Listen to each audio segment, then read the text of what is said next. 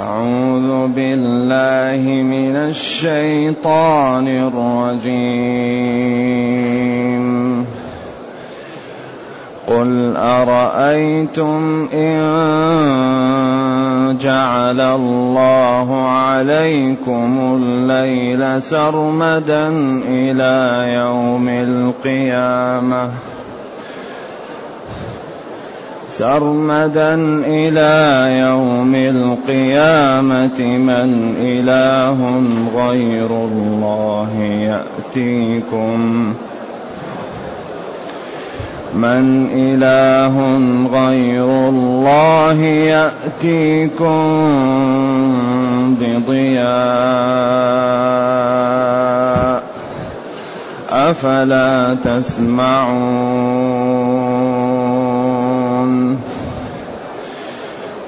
أرأيتم إن جعل الله عليكم النهار سرمدا إلى يوم القيامة؟ قل أرأيتم إن جعل الله عليكم النهار سرمدا إلى يوم القيامة؟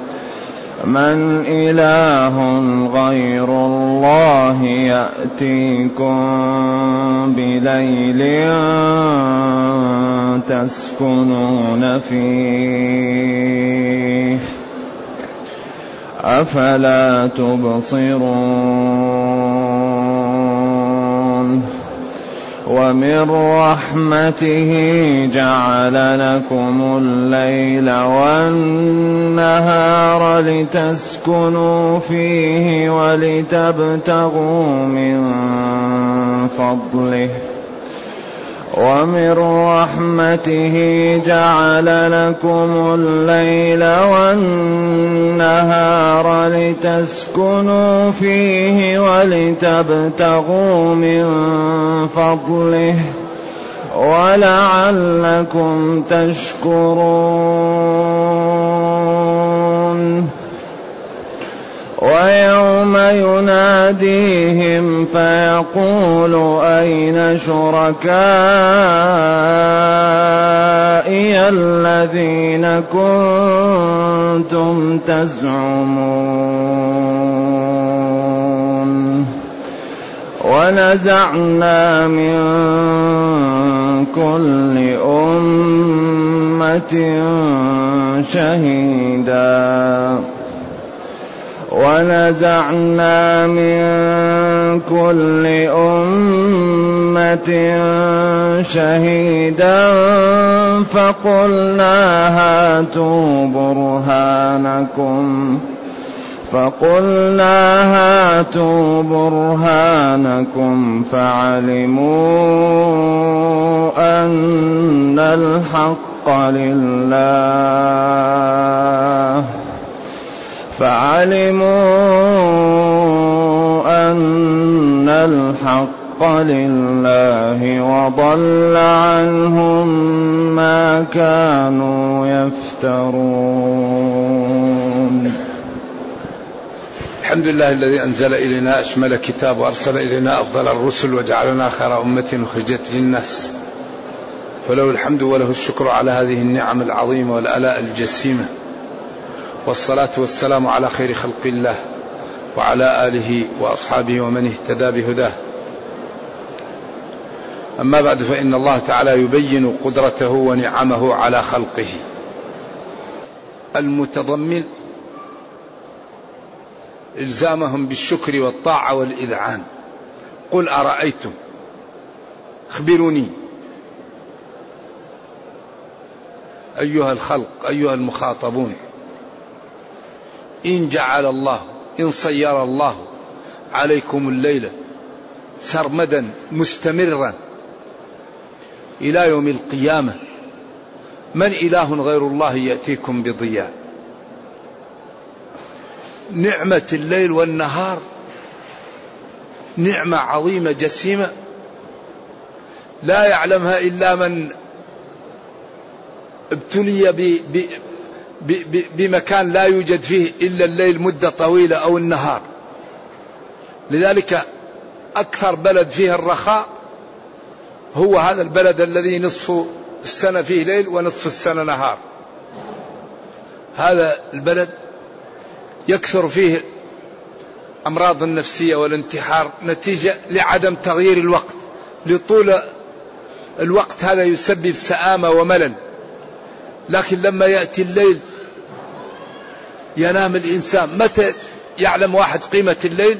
إذا كان عنده في النهار أعمال كثيرة وأشغال ومتاعب. فإذا جاء الليل يشوف قيمة الليل.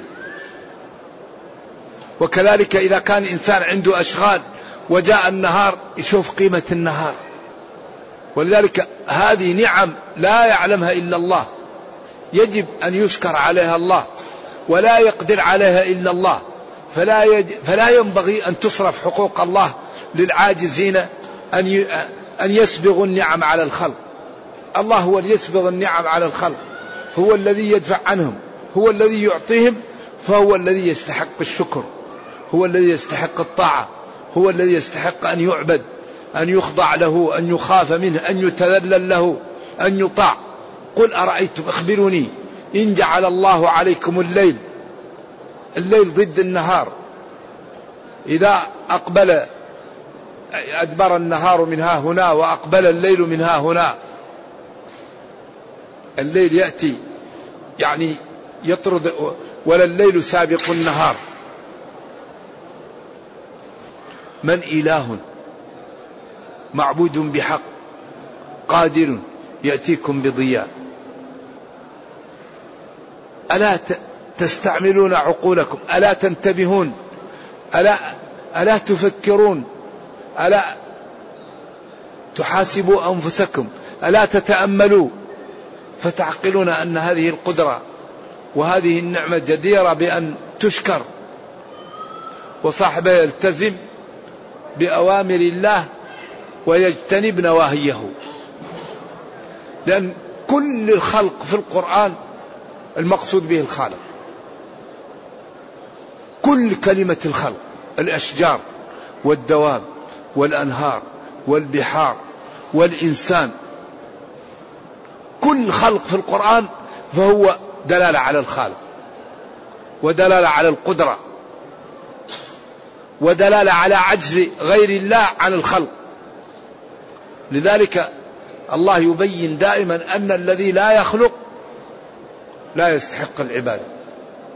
اعبدوا ربكم الذي خلق. أفمن يخلق كمن لا يخلق؟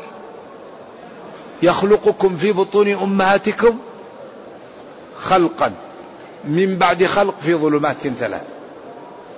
ظلمة البطن وظلمة الرحم وظلمة المشيمة الإصبع هذا جعله بعيد. هذا الإبهام. وفرق بين الأصابع. وجعل الأصابع مشدودة بالأظافر. وجعلها تشد. وتنفتح. ولذلك قال قادرين على أن نسوي. بنا ليست البصمة لا هذا كلام مرجوح. أن نجعل يده كيد البعير. ما يعني هذه الأصابع غير مفرقة. مقرونة ما يقدر يحل ولا يعقد. الأشياء الدقيقة ما يقدر يعملها لو كانت اليد هكذا. لا. قادرين على أن نسوي أي نجعل يده مستوية ما فيها فصل زي يد البعير. وقال نحن خلقناهم إيش؟ وشددنا أسرهم. وإلا يقال مسكين جرى فلان أمس وسقطت رجله. أو التفت وسقطت أذنه. أو وسقط أصبع. لا شددنا أسرهم. شددنا أسرهم. أعطاك عين عذبة تجم لك تحت اللسان على قدر الحاجة. وأعطاك هذه اللحمة علمه البيان. تعبر لك عما يجيش في صدرك. لو لم تكن عندك هذه العين العذبة الريق ما يمكن تبلع ولا, ولا الزبدة. وهذه الحدقة بعضها أبيض وبعضها أسود تنظر بها وجعل لك هنا مادة حتى لا يدخل الغبار في الرئة وجعل لك الأذن فيها مادة تطرد الحشرات. وفي أنفسكم أفلا تبصرون. والكرش الضعيفة جعل اليد أمامها. الكرش دائما محر العين على الكرش لأن مسكينة يمكن أي شيء يدقها يخرقها. والظهر ما عنده عيون خلاه قوي. تدبير عجيب. الكرش هذه لأنها مرة وضعها صعب العيون حارستها. شوف أمامها. وحاط هذا. لكن الظهر خلاه قوي. تدبير تدبير آية آية. آية في الجمال والحسن. قل أرأيتم إن جعل الله عليكم النهار سرمدا. مستمر. السرمد هو المستمر. إلى يوم القيامة. من إله غير الله يأتيكم بليل تسكنون فيه. الليل هذا يسكن فيه الإنسان ويستريح ويقطع العناء وفيه من النعم والراحة وقطع الأتعاب ما لا يعلمه إلا الله. يعلم ذلك من كان صاحب أشغال وأعمال. ومن رحمته أفلا تبصرون؟ أه لا. تنتبهون وتنظرون في ذلك فتبصرون هذه النعم فتشكروها وتعملوا بمقتضاها فتكونوا عبادا لله فتمتثلوا الأوامر وتجتنبوا النواهي. لأن هذه هي هذه المشكلة النتيجة. كل هذا يدور حول شيء واحد. النجاة النجاة. النجاة. وبعدين الله لا يقبل إلا ما كان له. أبدا. ما في إلا الحق. واحد يمكن ينفلت على الناس ويضحك على الناس ويضحك على زملائه وعلى أهله وعلى أبنائه وأهله. لكن الله لا يقبل من الإنسان إلا ما في قلبه. ما يقبل إلا الحق. أبدا.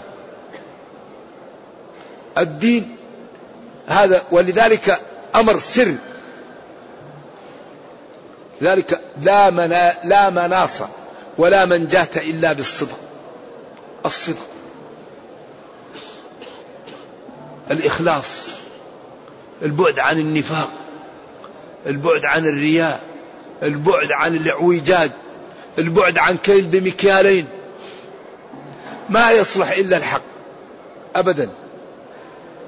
نبينا صلى الله عليه وسلم الرجل الذي جاء لصبرته عنده صبرة ونزل عليها السماء المطر فرح وأخذ الناشف وحطه فوق وخلى المبلل تحت فجاءه صلى الله عليه وسلم وأدخل يديه وقال له ما هذا؟ قال أصابته السماء. قال له هل لا جعلته فوق؟ من غش فليس مني. ذلك الإنسان إذا غش يغش نفسه إذا كذب يضر نفسه إذا خلف الموعد يضر نفسه إذا فرط في أي شيء لازم يضر نفسه إذا صدق ينفع نفسه. لذلك الاستقامة أول من يجني ثمارها صاحبها. ولا يمكن أن تنال الاستقامة إلا بالمحاسبة. الإنسان يجلس مع نفسه يحاسب يفكر بعدين يجاهد النفس يجاهد الشيطان يجاهد الناس يجاهد الشهوات بعدين إذا تغلب عليها يصبح من عباد الله الصالحين الصادقين فالنفع منه متحقق. وإذا سأل الله أعطاه وإذا دعاه استجاب له وإذا أراد به شخص ضرا دفع عنه ربه دفع عنه ربه. ولذلك ما رأيت شيئا في الدنيا أنفع من الاستقامة. العبد إذا استقام يكون من أولياء الله وأولياء الله الله يحميهم ويمنعهم من الشيطان ويمنعهم من كل من يريد أن يأذيهم. إن الله يدافع عن يدافع مرة بعد مرة عن الذين آمنوا. إن عبادي ليس لك عليهم سلطان. من عادى لي وليا فقد آذنته بالحق. إذا لما لا نكون أولياء لله؟ لما لا نجتهد لنكون من عباد الله الصالحين؟ لما لا نبذل الوقت ونبذل الفكر ونبذل الجاه والمال في أن نكون من الصلحاء؟ ندعو الله نتعلم نسأل الله نكثر التوبة نصاحب الصالحين نكثر من الجلوس في المساجد نكثر من أعمال الخير. فإذا عملنا هذا ربنا لن يضيعنا. لأن الله يقول ادعوني أستجب لكم ويقول ولا ينصرن الله من ينصره ويقول إن الله لا يضيع أجر من أحسن عملا ويقول والذين جاهدوا فينا. لكن إذا كان الإنسان لا يبالي حضرت الصلاة صلى. صلى بدون ماء ويتوضأ آليا ويصلي آليا. الإنسان إذا أراد أن يتوضأ يحضر النية يحضر نية للصلاة حاول أن يذكر يقيم الصلاة هذا يجعل الصلاة يأخذ فيها الدرجة الكاملة تكون سبب في غناه وفي صلاحه وفي سعادته. ولذلك لو كنا نؤدي الصلاة على ما هي عليه لتغيرنا. لكن كثير منا تأدية للصلاة تكون إيش؟ ناقصة. ولذلك قال تعالى إن الصلاة تنهى. الذي يداوم على الصلاة ما يعمل الفحشاء أبدا ولا يعمل المنكر. ويكون غنيا أكبر سبب للغنى الصلاة. وأمر أهلك بالصلاة واصطبر عليها. كأنه يقول طيب كيف نعيش؟ الصلاة خمس مرات. تحتاج لوضوء وجماعة وانتظار والوقت هو المال لأن الوقت هو اللي يجمع به المال. قالوا لا نسألك رزقا نحن نرزقه. أكبر أسباب الغنى الصلاة والاستغفار. استغفروا ربكم إنه كان غفارا. يرسل السماء عليكم مدرارا ويمددكم. إذا كل شيء عند الله وهو كريم وقادر ونحن عبيده نمشي على الطريق المرسومة وما نريد يعطى لنا. لكن الإنسان عجول وخلق الإنسان عجولا. إذا من إله غير الله يأتيكم بليل تسكنون فيه؟ لا أحد غير الله. ومن رحمته أفلا تبصرون؟ ما أسدال ما أسبغ عليكم من النعم؟ وما أعطاكم من الأمور الجسام التي منافعها لكم لا تخفى على عاقل. إذا فاشكروا. تثبت عندكم النعم وتزداد لأن الشكر يثبت النعمة ويزيدها. لئن شكرتم لأزيدنكم. ومن رحمته بخلقه جعل سير لكم. الليل والنهار. لتسكنوا فيه ولتبتغوا من فضله. لف ونشر مرتب. لف ونشر مرتب هذا من البديع المعنوي. هذا ما هو مجاز. هذا بديع معنوي. لس أيوه. ومن رحمته جعل لكم الليل والنهار. بعدين قال لتسكنوا فيه الليل. ولتبتغوا من فضله النهار. يقال لف, لف ونشر مرتب. بديع معنوي وهو من نوع من ألباع البلاغة معروف. والقرآن الحقيقة وصل من الجمال والحسن والجلال والبلاغة والإعجاز ما لا يعلمه إلا الله. ولذلك قال ربنا أولم يكفيهم أنا أنزلنا عليك الكتاب يتلى عليهم؟ أبعد الكتاب يحتاجون شيء؟ فأجله حتى يسمع. خلاص يكفي. ما فرطنا في الكتاب من شيء. ولعلكم تشكرون. أعطيناكم لتشكروا الله. وأكبر الشكر أن النعم التي أعطاك ربك لا تستعملها في معصية الله. الشكر الحقيقي أن تستعمل نعم الله في طاعة الله.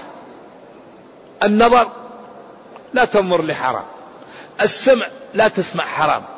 الكلام لا تتكلم بحرام. الفكر لا تفكر في حرام. اليد لا تلمس بها حرام. الرجل لا تمسي بها إلى حرام. البطن لا تضع فيه حرام. الفرج لا ترسله لحرام. إذا أنت شكرت الله.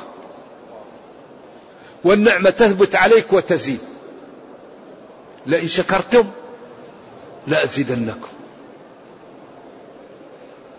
ولذلك لا يوجد شيء أنفع للعبد من الشكر. فإذا شكر زاده ربه وثبته ورزقه السعادة والطمأنينة وإذا كفر العبد الله تعالى غير حاله عياذا بالله. كما سيأتي في العبد أعوذ بالله الضال قارون. طيب. ولتبتغوا من فضله أي في النهار ولعلكم تشكرون ربكم بما أستال إليكم من نعمه. ثم هنا خوف. هذه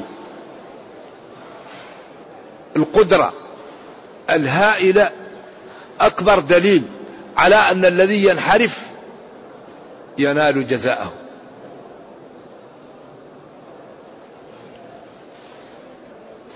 ويوم يناديهم واذكر يا نبيي الحالة والصفة التي تحصل لهم يوم يناديهم. في القيامة فيقول أين؟ أين شركائي الذين كنتم تزعمون؟ كنتم تدعون أن هناك آلهة تنفع وتضر وتعبد وتدعى.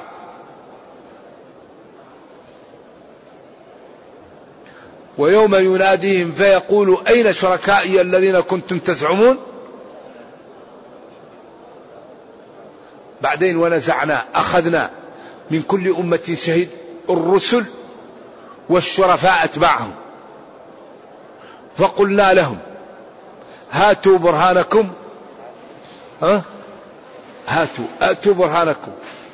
فعلم هؤلاء أن الحق لله وأن هؤلاء الذين كانوا يعبدون غير الله لا حق عندهم ولا دليل عندهم وقد شهد عليهم الأنبياء وأتباعهم من الصالحين في أن الرسل بلغتهم وأنهم امتنعوا عن الإيمان فحقت عليهم الكلمة وحقت عليهم الشقوة وحل عليهم غضب الله. نرجو الله جل وعلا السلام من ذلك. ولذلك حذاري حذاري من أن يسلك العاقل مسلك هذه الشريحة التي أوبقت نفسها ولم تستعمل عقلها ولا موارد العلم التي أعطاها الله لها لتشكره فلم تستعملها في الخير. نرجو الله السلام والعافية. فأيقنوا أن العبادة والعزة والقوة والجبروت لله وغاب عنهم أصنامهم وكذبهم وافتراؤهم وضل عنهم ما كانوا يفترون. نرجو الله جل وعلا أن يبصرنا بالحق.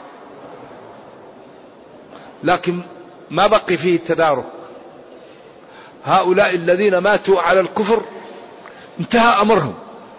لكن نحن الحمد لله الآن في الدنيا. أكبر نعمة أن الإنسان يسمع هذه الآيات وهو في الدنيا. يتوب يستغفر ينشط في الطاعة يبتعد عن أعراض المسلمين يبتعد عن ضياع الوقت. الوقت الوقت الوقت. الوقت من ذهب. لا نضيع أوقاتنا. لا يتكلم الإنسان إلا في خير. لا خير في كثير من نجواهم إلا من أمر بصدقة أو معروف أو إصلاح بين الناس.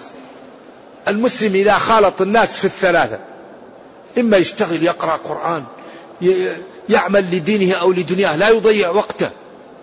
ولذلك فرصتنا أننا الآن في الدنيا. هذه فرصة. الحمد لله أننا الآن نقرأ هذا. ناس عياذا بالله الآن انتهوا.